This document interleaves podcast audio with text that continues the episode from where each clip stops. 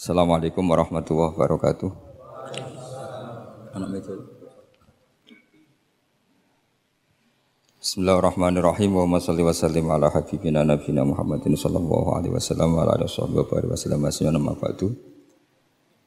Uh, kajian siang ini halaman 291 tentang fi wujuhi mukhatabatihi jadi ikutnya an-naul khati wal khomsun.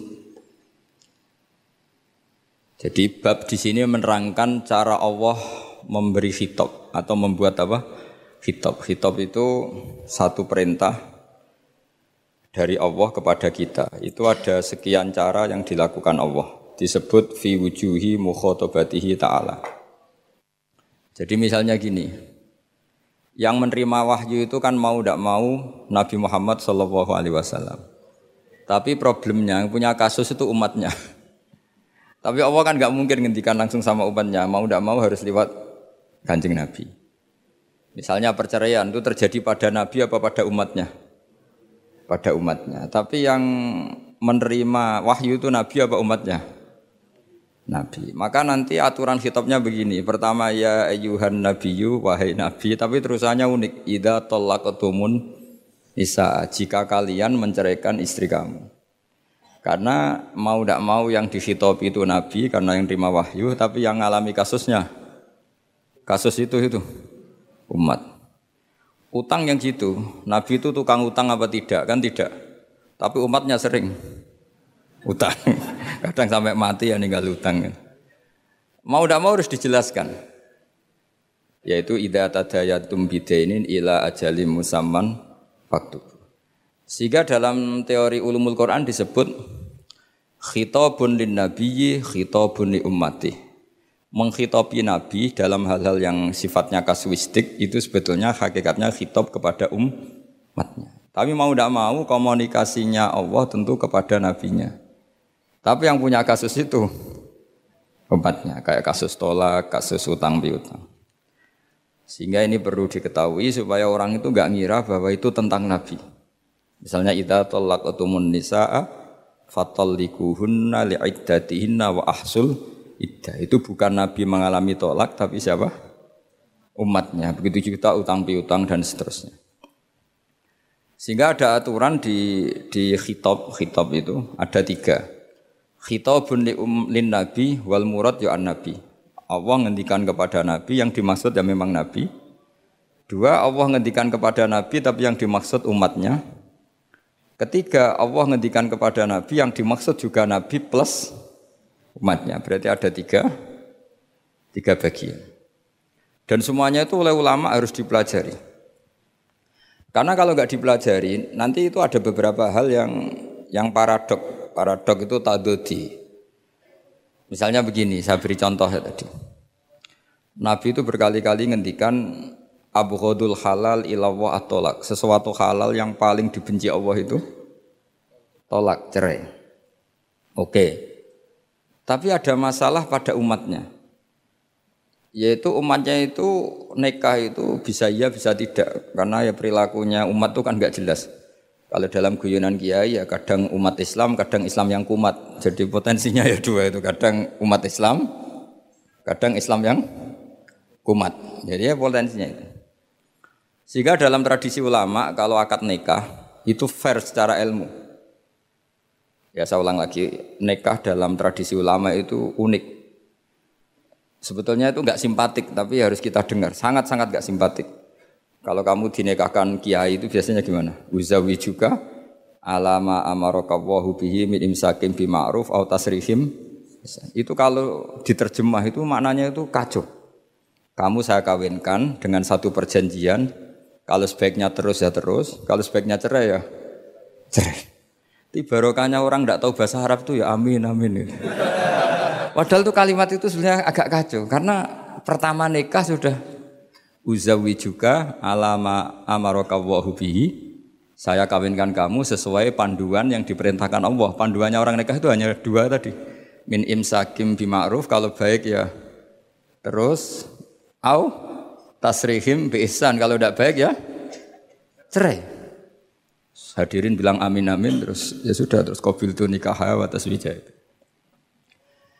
Tapi itu ilmu. Islam itu agama yang pro ilmu. Jadi cocok tidak cocok. Kalau itu satu potensi dibicarakan. Sehingga setiap khitab kepada Nabi itu terusannya ada kata fa'in tawallau. Muhammad kamu harus menerangkan Islam itu begini-begini. Tapi kalau mereka menolak ajaran kamu, jadi potensi nerima ya dibicarakan, potensi menolak ya dibicarakan. Nah, makanya ini saya beri apa supaya barokah ya dapat barokahnya ulama dulu saya baca. Faidatun qala Ibnul Qayyim. Ibnul Qayyim itu muridnya Ibnu Taimiyah. Ta'ammal khitabal Qur'an tajid malikan lahu al-mulku kulluh walahu alhamdu kulluh. Azimmatul umuri kulliha biyadi wa masdaruha minhu wa mawriduha ilaihi. Mustawiyan alal arsi la takhfa alaihi khafiyah. Min aqtari mamlakatihi. Aliman bima fi nufusi abidihi. Muttali'an ala asrarihim wa ala niyatihim. Munfaridun bitadbiril malakah. Yasma'u wa yara wa yu'ti wa yamna wa yusibu wa yu'aqib wa yukrim. Jadi begini maksudnya. Khitab itu otoritas dari minal a'la ilal adna, dari yang lebih kuat ke yang lebih bawah itu namanya khitab. Kemudian harusnya kita-kita semua sebagai manusia itu sebenarnya orang yang tidak sah memberi khitab, memberi perintah. Karena kita sendiri tidak berstatus kholik, pencipta. Jadi misalnya gini, saya janji sama sampean besok datang ke saya, kamu tak kasih uang. Besok saja saya tidak mesti hidup. Jadi janji itu sudah salah, wong besok saja saya tidak mesti hidup. Kalaupun hidup saja uang saya terbakar atau dicuri orang. Maka di sini dibutuhkan otoritasi khitab harus diberikan zat yang punya otoritas penuh yaitu zat yang nggak akan mati, yang nggak akan lumpuh, yang nggak akan mengalami satu gangguan sosial. Sebab itu dalam pandangan ulama tafsir itu punya akibat, saya ulang lagi, punya akibat bahwa hanya Allah yang berhak memberi apa? Khitab. Sehingga saking kerennya Allah itu bisa khitabun lil makdum. Ini di sini nanti ada contohnya. Sesuatu yang enggak ada kemudian Allah bilang kun menjadi ada. Sehingga Allah itu enggak bisa dibantah, enggak bisa ditentang karena bisa apa saja. Karena asbabul kudroh adalah al. Kalau dalam ilmu tafsir kalau sampean dalam ilmu manusia kan gini, sebabnya melihat itu mata. Kalau dalam ilmu tafsir enggak, yang bisa menjadikan Anda melihat itu menciptakan. Saya lagi ya, jadi kalau dalam ilmu tafsir, asbabur ru'yah itu al-khalqu, bukan al-basar. Kalau kamu melihat karena mata, berarti setelah jauh tidak bisa melihat. Atau setelah tertutupi tidak bisa melihat. Tapi kalau kamu mengetahuinya karena menciptakan, maka kapan saja bisa melihat. Misalnya gini, saya punya emas satu gram, kecil sekali satu gram. Saya tanam di dalam monas, kedalamannya satu meter. Mbok saya sudah di Jogja, saya tetap tahu bahwa di Monas kedalaman satu meter ada emas satu gram. Kenapa? Karena saya yang menciptakan, yang mengatur itu semua. Sehingga setelah saya di Jogja, setelah saya di mana-mana tahu bahwa di Monas itu ada emas satu gram dalam kedalaman satu meter. Sehingga Allah ketika mengatakan, saya ini zat yang super tahu. Itu kata Allah gimana? Ala ya'lamu man kholako. Ala ya'lamu ono orang ngerti sopeman wong zat kholako kang gawe sopeman. Masa orang yang menciptakan kemudian tidak tahu. Jadi awal tahu itu karena menciptakan. Tapi kita sudah lama jadi bodoh karena kita tahunya pakai mata. Sehingga kita mengatakan bagaimana orang buta bisa tahu wong dia buta. Kalau dia yang menciptakan tetap tahu. Tadi misalnya orang buta di kamar mandinya masang paku atau masang apa. Dia tahu kalau di kamar mandi saya ada paku. Kenapa kok tahu? Karena yang masang saya. Nah, ini penting saya utarakan supaya nanti itu gampang analisis ayat-ayat berikutnya. Otoritas itu, otoritas khitab itu harus diciptakan dulu. Nah, baru setelah punya otoritas, saya ulang lagi, baru punya hak khitab.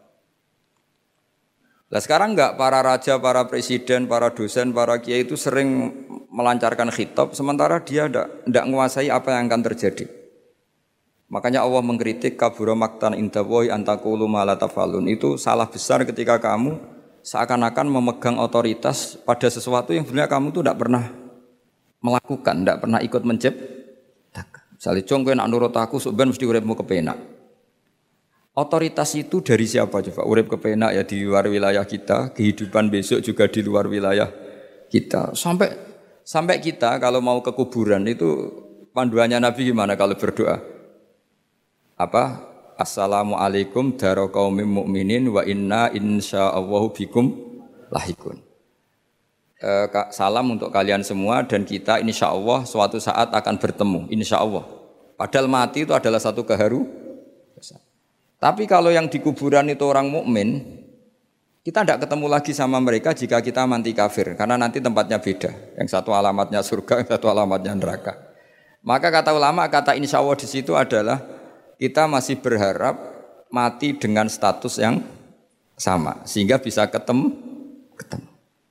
Jadi itu artinya gini, di selain Allah itu bilang janji, bilang khitab itu nggak sah.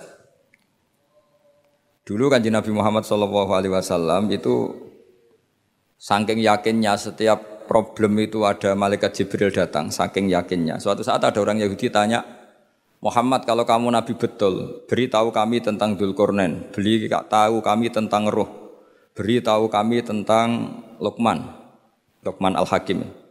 Nabi karena reputasi hariannya dipandu Jibril bilang, ya sudah besok datang lagi ke sini tak jawab. Ternyata Jibril nggak datang. Padahal semua ditunggu lama nggak datang sampai rutusan. Padahal yang tanya orang Yahudi yang yang sukanya bully Nabi. Lama nggak datang. Lama-lama protes. Jibril ini gimana? Saya dalam keadaan tertekan malah ada datang. Datang-datang Jibril dengan tanda kutip nyala.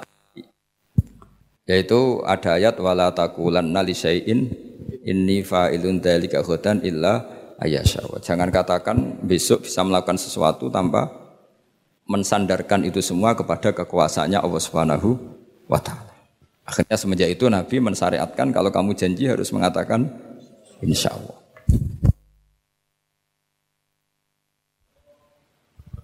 Ya kenapa ini saya katakan penting karena nanti khitab di Quran itu supaya proporsional ya. Sekarang banyak orang memahami Quran tapi nggak mau mempelajari ilmunya apa? Ilmunya apa? Quran. Termasuk ilmunya Quran tadi ya ada tiga ingat ya. Khitabun lin nabi itu bisa saja khitabun li ummati. Yaitu dalam kasus-kasus yang Nabi tidak mengalami kasus itu tapi yang mengalami umatnya. Nah kenapa khitabnya tetap kepada Nabi? Karena yang bisa komunikasi dengan Allah itu hanya Nabi. Makanya bisa dilihat di ya Yuhan Nabiyu itu mufrad muzakkar. Nabi Muhammad itu satu orang yang berstatus lelaki. Kemudian idza tolaktum itu kalian semua. Harusnya kan kamu karena dari satu orang ke satu orang. Tapi ini enggak wahai nabi jika kalian umatmu gitu. Jadi karena yang alami tolak itu umatnya.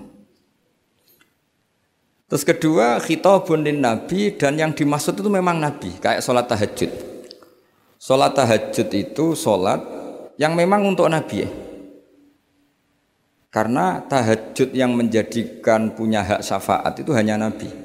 Sehingga ketika ulama, Nabi itu wajib tahajud, tapi kalau umatnya hanya sunat tahajud. Jadi Nabi itu termasuk ya kelebihannya sekaligus bebannya wajib apa? Tahajud. Tapi bagi umatnya sunat. Kenapa? Karena Nabi ingin sekali punya hak syafaat. Kemudian sama Allah diberi instruksi, diberi syarat wa minal laili fatahajjat bihi nafilatallak asa ayyab asa ka rabbuka maqama mahmuda. Muhammad kalau malam kamu harus tahajud supaya kamu nanti diberi hak syafaat. Itu kalau umatnya tahajud nggak boleh sampai diteruskan ayat-ayat sa ayat asuka karena kamu punya tidak punya hak syafaat. Disyafaati saja tidak mesti. Tapi tapi Nabi harus tahajud supaya punya hak apa? Dan perlu dicatat syafaat itu hadisnya sahih semua. Di Bukhari ada, di Muslim ada. Cuma orang berlebihan cara menolak syafaat atau mengimani syafaat. Ada yang berlebihan ngimani sampai tidak pernah ngamal baik. mentang-mentang nanti dapat syafaatnya kanjeng Nabi. Ada yang nggak percaya syafaat. Itu ya kebablasan juga padahal itu ada di hadis soheh semua cerita syafaat. Itu khitabun Nabi dan yang dimaksud memang Nabi. Sehingga umatnya tidak wajib tahajud tapi Nabi wajib Terus ketiga, khitabun lin nabi sekaligus khitabun ummati. Itu yang dimaksud di hadis Arba'in Nawawiyah wa inna wa ta'ala amarul mursalin bima amarul bil mu'minin atau dibalik amarul mu'minin bima amarul bil mursalin dibolak-balik sama. Yaitu para nabi ya dikhitabi memakan sesuatu yang thayyibat. Para orang mukmin juga kena khitab memakan sesuatu yang apa? Thayyibat. Ini sama. Jadi ya ini ada tiga berarti ya khitabun lin nabi tapi yang dimaksud umatnya khitabun lin nabi yang dimaksud adalah nabi saja. Terus ketiga khitabun lin nabi yang dimaksud plus umatnya. Nah kajian seperti ini, ini penting. Karena kesalahan Khawarid. Khawarid itu satu kelompok ekstrim yang tidak mengikuti Sayyidina Ali, juga gak mengikuti Sayyidina Muawiyah. Tidak mengikuti Ali, juga gak mengikuti Muawiyah. Disebut Khawarid. Khawarid itu jamaknya Kharijah. Dia keluar dari pikiran ala Sayyidina Ali juga pikir, keluar pikiran dari Muawiyah. Di sini disebut dia khurut. Khurut dari kata khawarid. Serba keluar, dia tidak ngikuti sana, tidak ngikuti sini. Akhirnya disebut khawarid. Nah khawarid itu orang yang berpikir sesuai kritik yang dilakukan Quran. Tapi mereka lupa bahwa yang punya otoritas kritik itu Allah. Karena yang kalau boleh sama-sama terganggu, kerajaannya itu hanya Allah. Gini saya beri contoh ya. Yang punya hak ketika sepeda motor saya kamu pakai, yang punya hak menentukan itu sap apa pinjam itu saya apa orang lain? Saya. Ketika yang pakai nggak pamit itu teman akrab saya atau anak saya atau orang yang saya ridhoi, itu namanya gasap apa pinjam tidak pamit? ya udah, ini harus jelas. Tadi pagi saya ngaji direktorat saya bilang di fikih itu ada istilah ulima ridhohu sesuatu tidak pamit formal tapi sudah diketahui ridhonya. Makanya di fikih ada bab namanya mu'atoh tadi pagi saya terangkan ya. Di perdebatan fikih itu ada bab namanya apa? Mu'atoh. Mu'atoh dari kata ato yu'ati mu'atotan saling uh, transaksi yang non verbal tapi maklum. Ya seperti kalau kamu marung itu contohnya. Kalau kamu marung di kantin terus makan gedang goreng, itu nyuri apa beli coba? Jawab saja. Kalau dikatakan beli kamu belum bayar. Kalau dikatakan nyuri terang-terangan. Coba kalau mbak-mbak milih mana? Itu nyuri apa beli? Kalau beli belum bayar. Kalau nyuri kok kok terang-terangan ya. Enggak nyuri apa beli?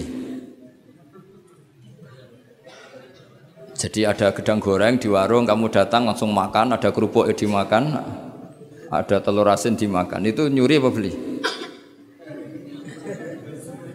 Nah, itu itu kalau orang fikih dibabkan. Dibabkan kita ilmu mu'atoh, akad beli lewat jalur mu'atoh. Menurut Imam Abu Hanifah, seperti itu dikatakan be. Beliau pakai dalil al-adat muhakamah bahwa adat itu berposisi seperti hukum. Karena posisi di warung, maka ngambil di situ dianggap memulai akad jual beli.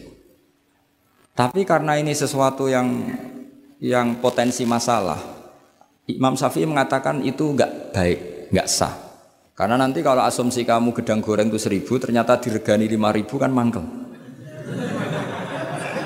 Nah itu resikonya di situ, ya kan?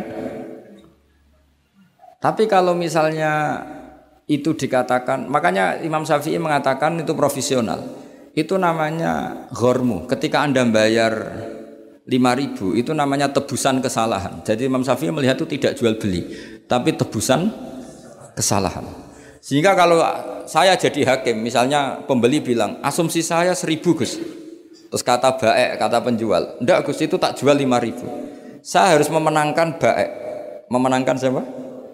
Penjual. Karena penjual adalah pemilik gedang goreng itu dan posisi yang makan adalah perusak barang orang lain gitu. sehingga dimenangkan penjual ya dimenangkan penjual Kenapa dimenangkan? Karena cara berpikir fikih karena dia yang punya otoritas itu, punya otoritas kepemilikan. Itu dalam fikih madzhab apa? Syafi'i. Nah, itu penting dalam analogi surga dan neraka. Orang khawarid itu kalau ada orang dosa, itu dikatakan sudah tidak Islam lagi, dia sudah keluar dari Islam. Orang dosa itu wajib disiksa oleh Allah. Mereka bilangnya ya wajib. Dalam kelompok Islam itu ada kelompok namanya khawarid orang yang sangat ekstrim dalam berpikir. Dia mengkafirkan orang yang melakukan dosa apa? Besar, dihukumi kafir. Tapi pendapat ahli sunnah ndak orang dosa besar ya dosa saja, tapi tidak usah dihukumi kafir. Kenapa? Cara berpikir ahli sunnah surga neraka itu milik Allah. Kalau yang punya saja tidak apa-apa, ngapain ada yang ribet? Yang punya surga neraka itu Tuhan dan Tuhan memanggil-manggil orang yang salah itu disuruh tobat anibu ila rabbikum. Wahai hambaku yang berlebihan yang masih dosa, ayo kembali ke saya. Kapan saja kembali ke saya tak terima. Sehingga dalam madzhab ahli sunnah, otoritas khitab, otoritas kepemilikan yang berhak ya yang punya, orang lain itu nomor dua. Sehingga tadi kalau Anda bawa kayak motor saya, dan Anda teman akrab saya, tidak pamit saya, kalau saya bilang itu nggak apa-apa ya nggak apa-apa. Kalau saya bilang apa-apa ya apa-apa, nggak penting orang lain. Sehingga ini wilayah yang agak sensitif, tapi ini ilmu, mau tidak mau kita harus dengar. Sehingga di fikih ada bab ulima ridohu. Misalnya ada orang makan gedang goreng di warung terus ditangkap pak polisi. Wah ini pencurian, mesti bakulnya nggak terima. Nggak ada enggak pencurian, memang tak jual. nah, yang kasus begini, ini yang kasus. Ini mungkin kasusnya anak-anak yang masih kos atau masih mahasiswa. Warung kantin dijaga ibu-ibu ada anak makan lahap, dikira belinya cash. Setelah dimakan ternyata akadnya utang. Nah, itu pertanyaannya itu halal apa enggak? Karena asumsi baiknya monggo-monggo. Karena apa sudah mengkhayal nanti ada sekian uang cash didapatkan. Ternyata nyatet atau utang. Nah kalau ngomong di depan, bu saya mau makan di sini utang, kira-kira enggak boleh. Wah itu ada sekian PR, makanya makanya saya sering muji orang-orang yang enggak alim. Enak-enak orang tuh orang enggak alim karena enggak kesulitan seperti ini. Kita sebagai peneliti fikih itu sering kesulitan. Nah sama Anda misalnya naik Grab atau naik taksi atau apa. Ketika Anda naik itu posisinya enggak sap apa pinjem. Dikatakan akad sewa belum bayar. Dikatakan pinjem nanti harus bayar. Jadi ada sekian masa fikih yang jadi perdebatan. Nah, apa pun itu nanti kata finalnya itu dia yang punya yaitu supir taksinya atau baeknya penjaga warung tadi. Nah, sehingga hukum itu bagi orang lain sudah tidak sah kecuali bagi yang punya. Nah di sini ini kelihatan benarnya madzhab ahli sunnah wal jamaah. Ahli sunnah mengatakan apa pun salahnya seseorang setelah dia beragama Islam itu wilayahnya wilayahnya Allah. Kita tidak bisa berbuat apa-apa. Makanya ada ayat laisalaka minal amri syai'un aw yatuba alaihim au yu'adzibah. Muhammad meskipun kamu kekasih saya, kamu tidak punya otoritas menentukan si A dimaafkan, si A disiksa. Otoritas itu hanya bagi saya kata Allah. Sehingga banyak orang yang Nabi kurang serak karena membunuh pamannya Hamzah malah dikasih tobat sama Allah namanya Wahsi. Wahsi itu orang yang Nabi gak suka karena pernah membunuh Sayyid Hamzah di perang Uhud. Tapi sama Allah marah dikasih tobat. Salabah yang sering ibadah di masjid, sering iktikaf, saking seringnya ibadah itu sampai digelari hamamatul masjid, merpatinya masjid. Tapi naudzubillah beliau malah berakhir dengan suul hati. Kita tidak pernah tahu. Kenapa begitu? Karena begini. Wilayah yang wilayah yang absolut itu hanya milik Allah Subhanahu wa taala. Sehingga Nabi kalau ketemu wahsi ya bilang iman kamu sudah saya terima, Islam kamu sudah saya terima. Tapi saya ini manusia, tolong sembunyikan wajahmu dari saya. Karena kalau saya ingat kamu itu mangkel karena ingat kamu pernah membunuh Hamzah. Tapi saya sebagai Nabi harus menerima iman kamu karena Nabi itu gak boleh den dendam. Tapi kalau mangkal-mangkal sedikit kayaknya agak boleh mungkin ya, mungkin itu ya. Tapi profesional Nabi sebagai manusia nggak berkenan melihat wahsi, tapi sebagai Nabi legowo terhadap imannya wahsi. Tapi Allah sendiri yang ngendikan laisa laka minal amri syai'un aw yatuban. Coba orang munafik, kayak apa salahnya orang munafik?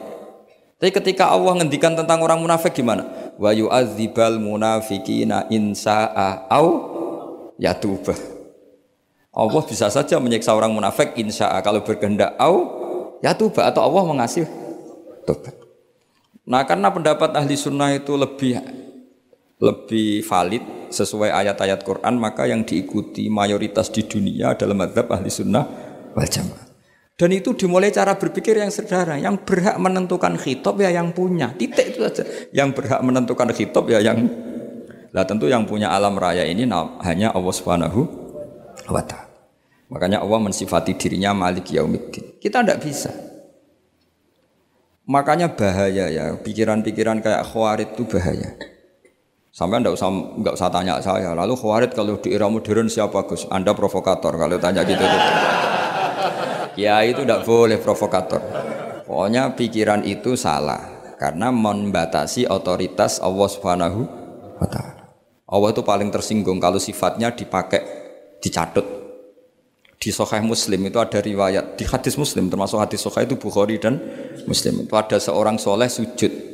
Pas sujud dia diinjek orang preman kira-kira seperti itu. Kalau sam diinjek terus siang sujud tadi bilang gini wawahi ada kata wawahi wawahi la yaghfiru laka. Demi Allah Allah tidak akan maafkan kamu.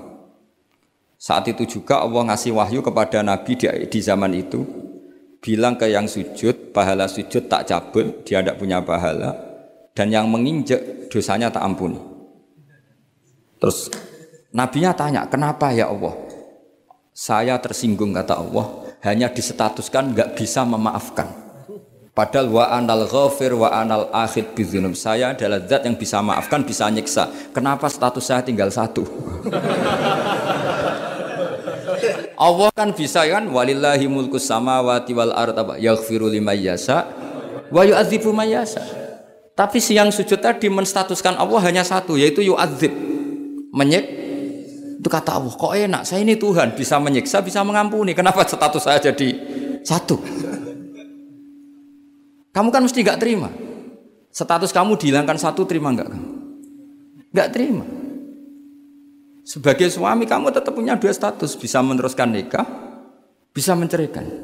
Coba status kamu tak ambil satu, nggak boleh menceraikan. Istri kamu gendut, walek cerewet. Wah, posengnya bukan main itu. Sama mbak-mbak juga sama. Sebagai istri harus nurut sama suami gini-gini, tapi juga punya hak rafa, hak mengajukan gugatan cerai jika suaminya tidak jelas. Mau nggak dicabut status hak rafa? Nggak mau kalau punya suami suwelek, jelek, senani goda perempuan lain, itu kan Nah, Allah itu punya status bisa memaafkan, juga punya status bisa menyiksa. Terus orang-orang yang sok soleh dengan tanda kutip itu kadang-kadang inginnya Allah tuh nyiksa terus sama musuhnya. Kalau sama dia memaafkan terus. Terus corong Jawa kan aku mbahmu tapi kan gitu kira-kira. Kok enak gitu. Nah. Jadi ya sudah seperti itu. Lagi-lagi kata kuncinya apa? Beri otoritas itu hanya kepada Allah Subhanahu wa taala karena dia adalah pemilik otoritas sejati. Sehingga zaman Nabi siapa saja itu ya mungkin orang kaya apa dulu Khalid bin Walid. Perang Uhud kalah itu panglimanya orang kafir zaman itu siapa? Khalid bin Walid. Dan dia melakukan pembunuhan masif zaman itu. Tapi dia dikasih tobat. Namanya Khalid bin Walid. Tapi Sa'labah yang tukang di masjid kadang berakhir seperti itu. Ya, ya sudah, akhirnya kita mau tidak mau ya sudah introspeksi. Sampai sesoleh apa pun kita selalu diajarkan doa ya mukallibal qulub sabit kolbi ala ini. Karena kayak apa kalau hati kita dibolak-balik? Karena cara berpikir tentang Islam dan tentang ateis atau tentang kekafiran itu mirip mirip satu visi. Makanya ini hati-hati mahasiswa karena senani berpikir sendiri. Kadang ngelantur ke mana-mana. Saya beri contoh. Saya beri contoh. Sampai kalau sekarang masih miskin, berbahagialah. Karena miskin itu mudah jadi orang dermawan. Kalau orang sudah kaya itu ribet. Coba misalnya sampean jadi santri saya, tak contohkan. Biasanya santri kalau sama kiainya akan loyal. Kamu miskin punya ayam dua, tak minta satu boleh enggak? Boleh, padahal itu 50 persen. Ya, terus punya uang 100 ribu, tak minta 50 ribu kira-kira boleh enggak? Boleh, padahal itu 50 persen. Tapi kalau kamu kaya, punya uang satu miliar, tak minta 500 juta, boleh gak kira-kira? Padahal itu berapa? 50 persen. Gampang mana dermanya orang kaya sama orang miskin? Untuk mengamal 50 itu mahasiswa yang masih miskin-miskin uangnya hanya 100 ribu neraktir temannya habis nggak masalah padahal itu berarti 100 persen.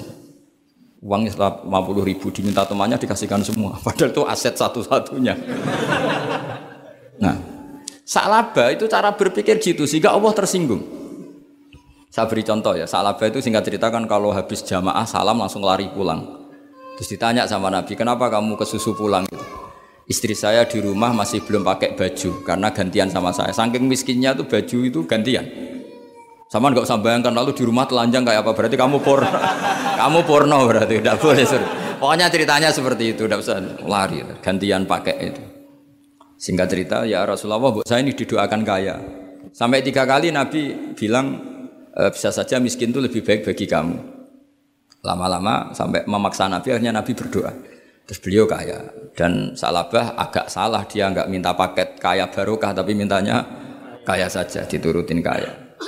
Pertama punya kambing di di pegunungan ya kalau di Arab itu kan kambing diletakkan di Jabalen Mabinal Jabalen di antara dua lembah itu itu 40 sampai 80 sampai 4000.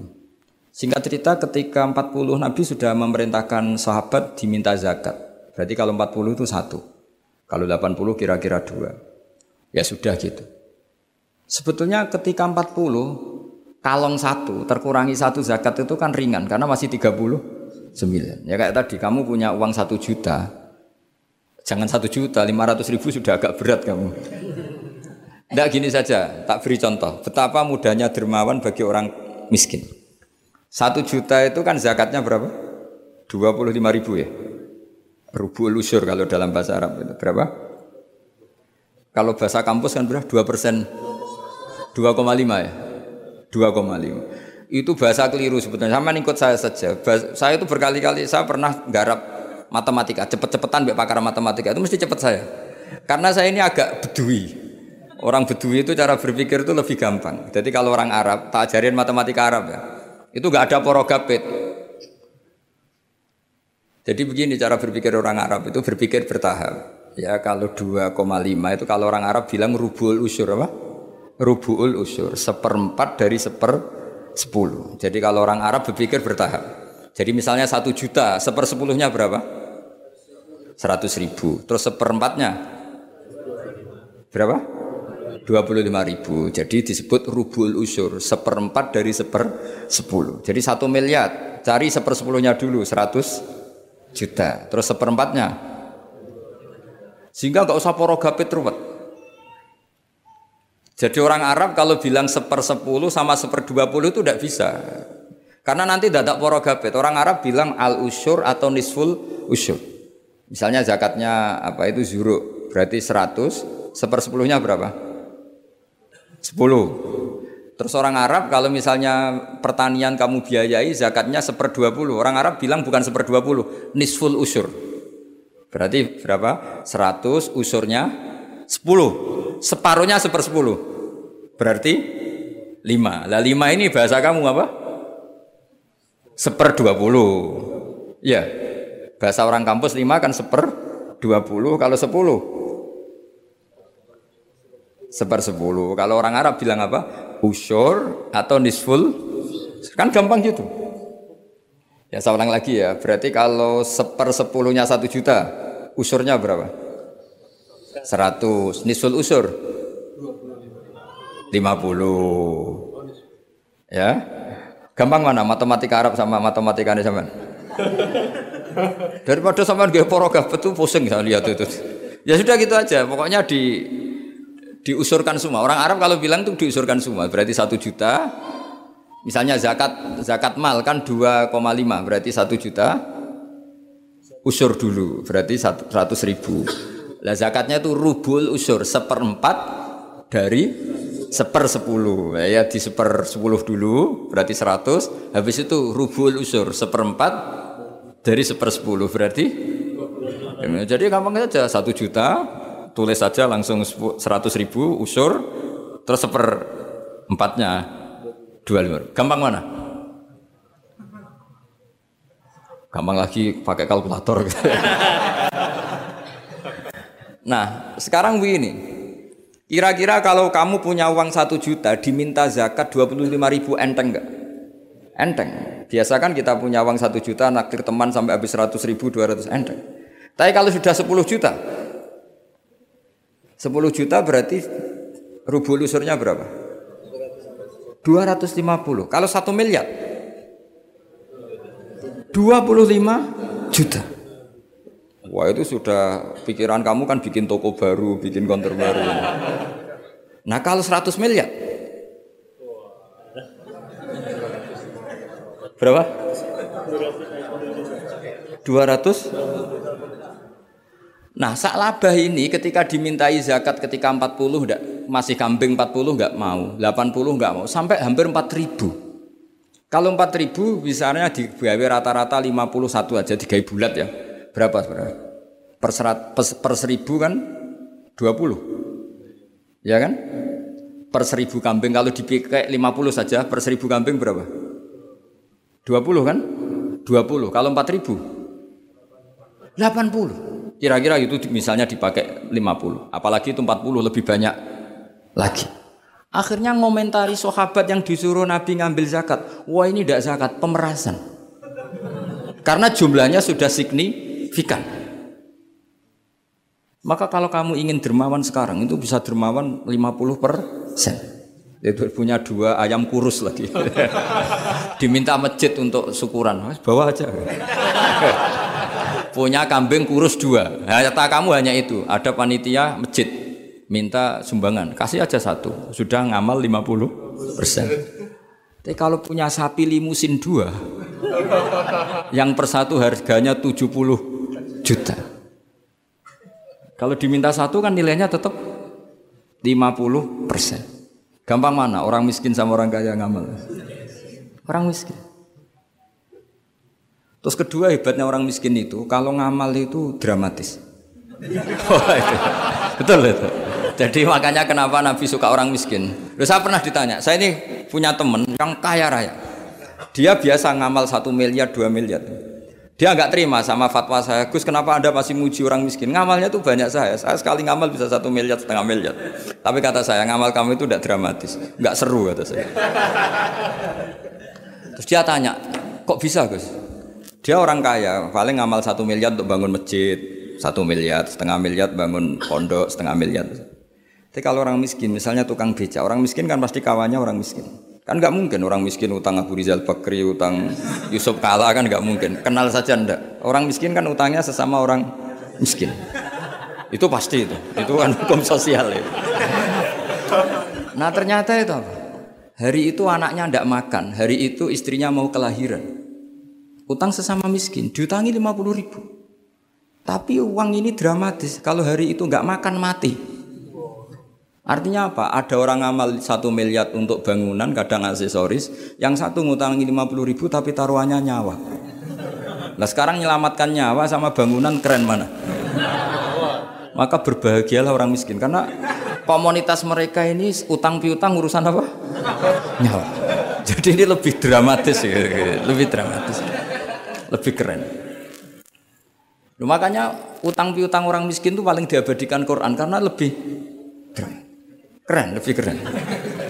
Karena nyawa apa? Loh saya ini kan termasuk kecil sudah kiai agak keren, sudah kiai agak agak mapan. Itu kalau orang-orang kaya nawarin saya paling Gus nggak ganti mobil, nggak ganti aksesoris mobil itu. Itu nggak keren. Al tetap ngamal pun nggak keren. Tapi kalau orang miskin, saya sering kan dengar cerita mereka orang itu ngeri. Kayak cerita yang diabadikan Quran itu. Wayu siruna ala anfusim walau kana bihim khosos. Itu Nabi ngumumkan saya punya tamu tapi hari ini saya tidak bisa hormat tamu. Ada sahabat yang usul saya ya Rasulullah. Perlu dicatat dulu di Arab tuh nggak ada warung, nggak ada GoFood, nggak bisa kamu pesen online terus. Wah nih, nanti delivery gitu nggak bisa. Nah terus Akhirnya datang ke rumahnya, datang istri saya ada makanan, tidak ada, ada. Ada hanya untuk jatahnya bayi. Terus ya sudah, bayinya kamu tidurkan supaya jatah itu dimakan tamunya Rasulullah. Tapi kan jatahnya orang satu, tamunya akan malu kalau nggak ada yang nemanin. Terus ya sudah lampunya dimatiin, pura-pura kamu nemanin. Was yang satu ya ada piring sama sendok pura-pura nemanin, yang satu makan betul. Itu diabadikan Quran. Karena apa? Dramatis gitu. Sehingga pagi-pagi dia datang ke Nabi, kamu punya amal apa? Sehingga tadi malam ada ayat wa yusiruna ala anfusim wa kana. Mereka mengalahkan kepentingan dirinya sendiri meskipun punya kepentingan sendiri demi tamu tadi. Terus cerita dia, kita tamu tadi malam ya Rasulullah yang saya sanggup menghormat sebenarnya saya tidak punya apa-apa hanya jatah bayi. Itu aja dramatis bayinya ditidurin dulu. Tapi dia disuntik ganja ndak ditidurin. ditidurin biasa nanti kan. Ditidurin biasa terus suami saya pura-pura nemani lampu dimatikan. Nah mungkin tamunya saking laparnya gak penting mikir itu yang penting makan aja. Jadi maka sebetulnya orang-orang miskin itu tidak usah hiru wah itu orang kaya bisa ngamal masjid satu miliar dua miliar. Tetap ngamalnya ini sesuatu yang tidak mendesak. Tapi sesama orang miskin kalau temannya minta tolong itu mesti dramatis. Istri mau kelahiran kematian kelaparan. Pokoknya yang diselamatkan itu seru semua. Artinya gini ya, kalau miskin ya nikmati saja, itu ada peluang untuk menyalip pahalanya orang-orang. Tapi yang kaya ya tetap kaya. Kalau semuanya miskin, nanti yang miskin kerja di mana kalau semuanya miskin?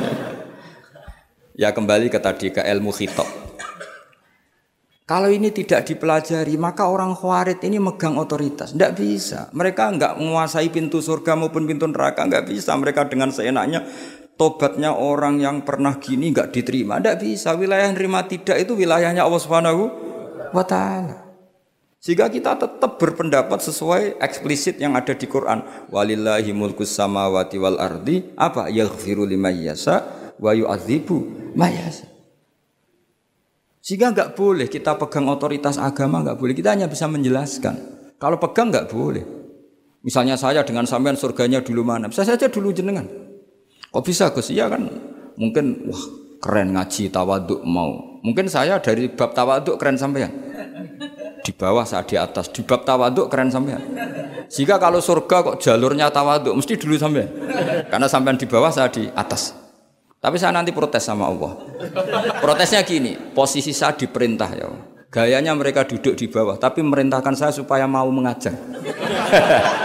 Jadi nggak ada sopan-sopannya karena mereka merintah kia. Ya. ya terutama di PPI ya, Pak. Oh, itu nggak sopan sekali karena merintah. Sehingga kalau yang dipandang makanya masyur itu kan ada wali itu yang satu jadi wali karena sholat di soft awal, keren kan soft awal fadilahnya utamanya kan luar biasa. Yang satu kalau sholat tuh di belakang terus, tapi juga jadi wali. Yang depan agak protes, ya Allah kenapa ini jadi wali padahal sholatnya di belakang. Jawabannya lucu yang di belakang. Kenapa? Saya itu malu. Saya ini masih banyak dosa, banyak salah kok di depan. Kok kayak suci sendiri aja. Jadi kalau kamu sowan sama praja atau sama kiai, yang paling depan itu kan yang kepedean. Dia milih yang belakang jadi sopan agak terlalu dekat gitu. Orang itu tidak pernah tahu. Kadang-kadang Allah itu kita tidak pernah tahu. Andai kan boleh dibahasakan, kita tidak pernah tahu cara berpikir Tuhan. Jadi Allah itu zat yang mau, ya itu tadi otoritasnya penuh. Makanya saya pernah cerita di mana-mana di kitab-kitab yang saya baca itu ada dua orang yang ahli neraka, sudah di neraka. Ini sekaligus ijazah, saya lagi sekaligus ijazah, bisa dipraktekkan nanti itu. Setelah itu dua orang ini dipanggil ke surga sama Allah. Allah itu tanyanya ya aneh, enak di neraka. Ya udah enak di neraka. ya gak enak di neraka kok ditanya enak enggak ya gak enak. Ya sudah kembali lagi ke neraka. Lari kencang-kencang. Lari menuju neraka. Lari. Sama Allah dipanggil lagi. Loh, kenapa kamu semangat? Ya Allah, saya ini kapok, saya ini trauma. Dulu ketika engkau perintah, saya ini lelet sekali. Disuruh sholat lelet, disuruh zakat lelet. Maka ini jenengan perintah saya semangat supaya nggak ngulang kesalahan yang sama. Akhirnya sama di ya sudah sudah di surga aja di surga. Karena semangat lari menuju neraka. Maka ini ijazah nanti kalau di masar ya, ya kamu dipanggil, ayo masuk neraka harus apa? semangat, semangat harus semangat oke Gusti semangat lah repotnya kalau nggak dipanggil lagi akhirnya barokahnya semangat itu dia di surga. Kita tidak pernah tahu cara berpikir Tuhan, nanti kan boleh dibahasakan seperti itu. Yang satu, ayo kembali lagi ke neraka. Tolah, tolah itu. Jalan oleh lagi. Sampai itu gak semangat oleh lagi. Terus ditanya sama, kenapa kamu tolah-tolah gitu? Saya tidak pernah ngira ya Allah ketika engkau panggil di surga, kemudian engkau kembalikan lagi ke neraka. Ya sudah kamu di surga saja. Barokahnya khusnuzon. jadi jadi Tuhan itu unik.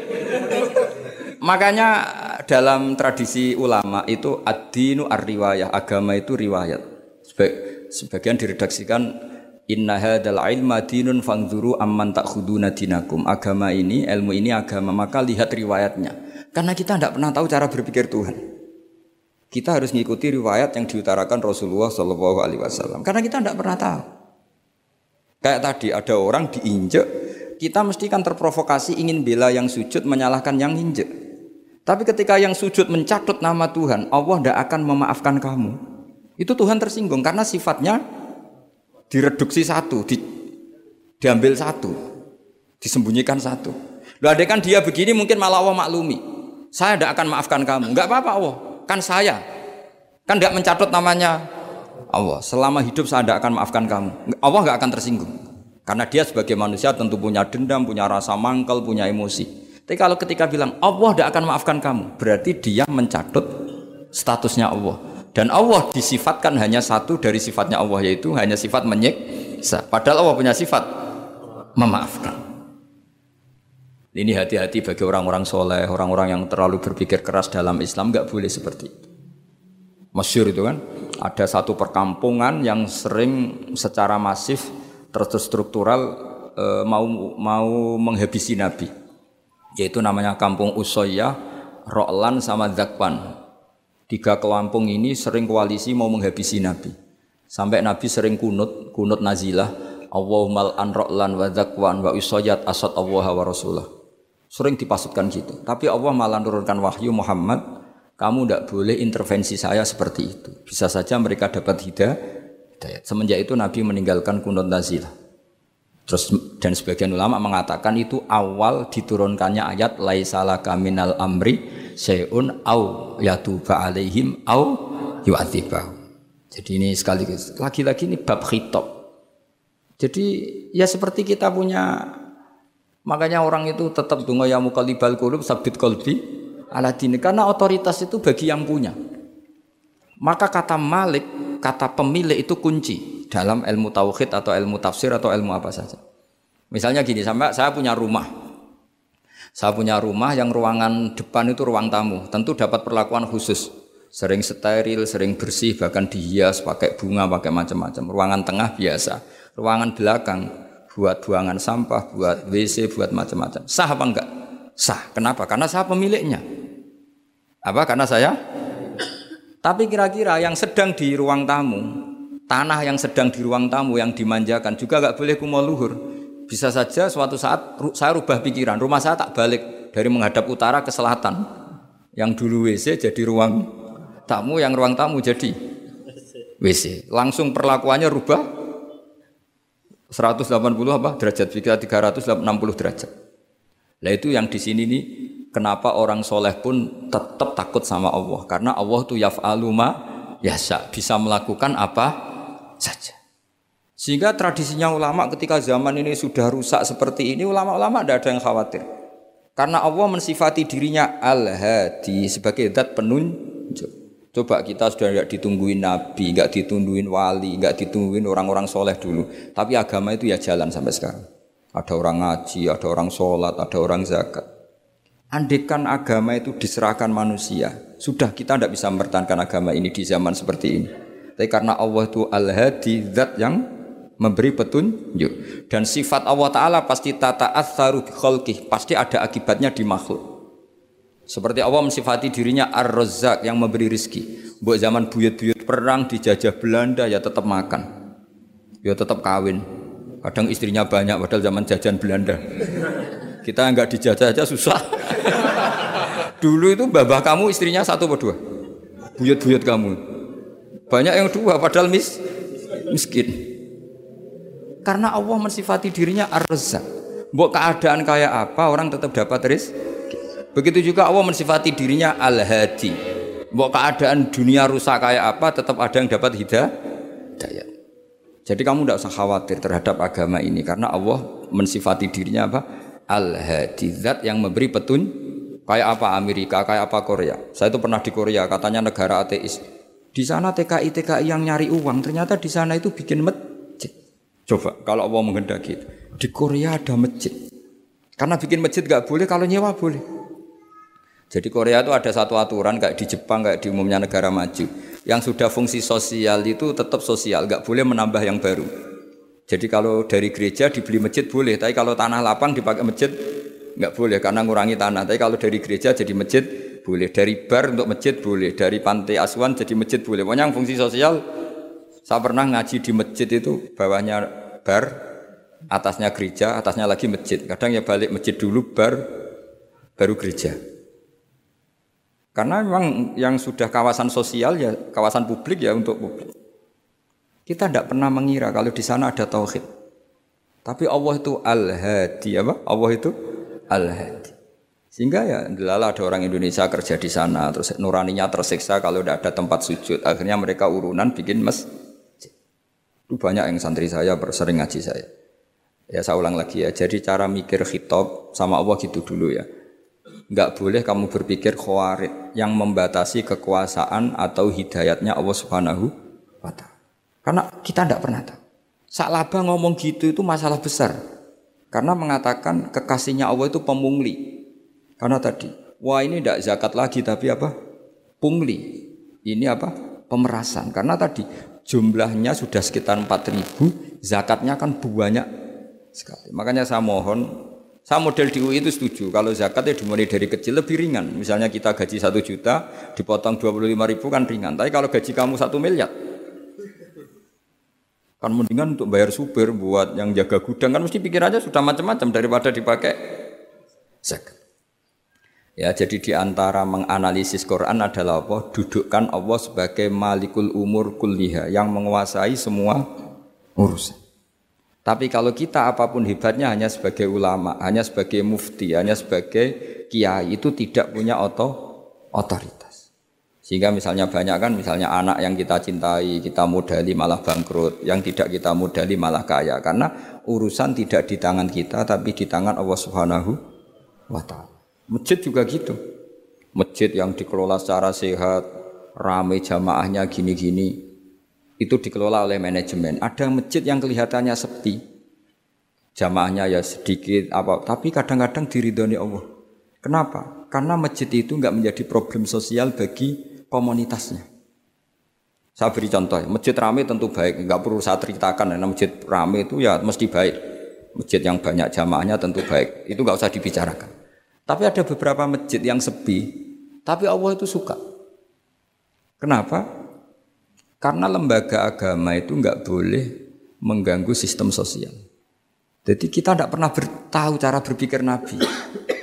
Yaitu banyak kan sahabat habis sholat duhur dia di masjid, qobliyah di masjid. Apa kata Nabi? La taj'alu buyutakum kuburan cung nak ape coba entek-entekno ning masjid. Omam ya bagai keapian. Rumah kamu jangan jadikan kuburan. Jadi Sholat sunatnya di masjid, badiahnya di masjid. Pulang-pulang tanya, mah makannya di mana? Terus marah-marah karena kurang disediakan makanan. Kan lucu kan? Di masjid qobliyah, badiah, pulang-pulang tanya apa? Makanan. Tersinggung lagi kalau belum disediakan. Akhirnya apa? Anak-anak kita yang kecil kenangan melihat bapaknya itu apa? Bapak itu orang yang kalau dari masjid tanya makanan. Dan marah kalau tidak kesampaian. Coba kalau kamu datang dari masjid, sholat Kenangan anak kamu apa? Bapak itu orang yang kalau datang dari pergi sholat. Sehingga kenangan anak-anak kita ini melihat kita sholat sujud di rumah. Jika Nabi membahasakan apa? Jangan jadikan rumah kamu sebagai kuburan. Kasih jatah sholat. Sehingga ulama mengatakan jamaah itu paling baik itu di masjid untuk jamaah fardu. Untuk sholat sunat beberapa malah sebaiknya di. Sehingga saya ini sebagai kiai ya sering bingung. Bingungnya kadang ada orang terlalu overacting, ingin masjidnya ruame sehat. Yang satu enggak. Saya ini sering dipamiti. Ya saya akhirnya bingung. Bingungnya ya barokahnya ngalim itu bingung. Kalau nggak ngalim malah nggak bingung. Karena ya sudah harus gitu. Sampai tak beritahu ya. Nabi awal ngendikan itu ju'ilat lanal ardu kulluha masjidan. Semua tanah Allah itu hakikatnya. Apalagi ini rumah kita. Anak kita biar menyaksikan saat kita sujud, saat kita baca Quran, saat kita ngaji.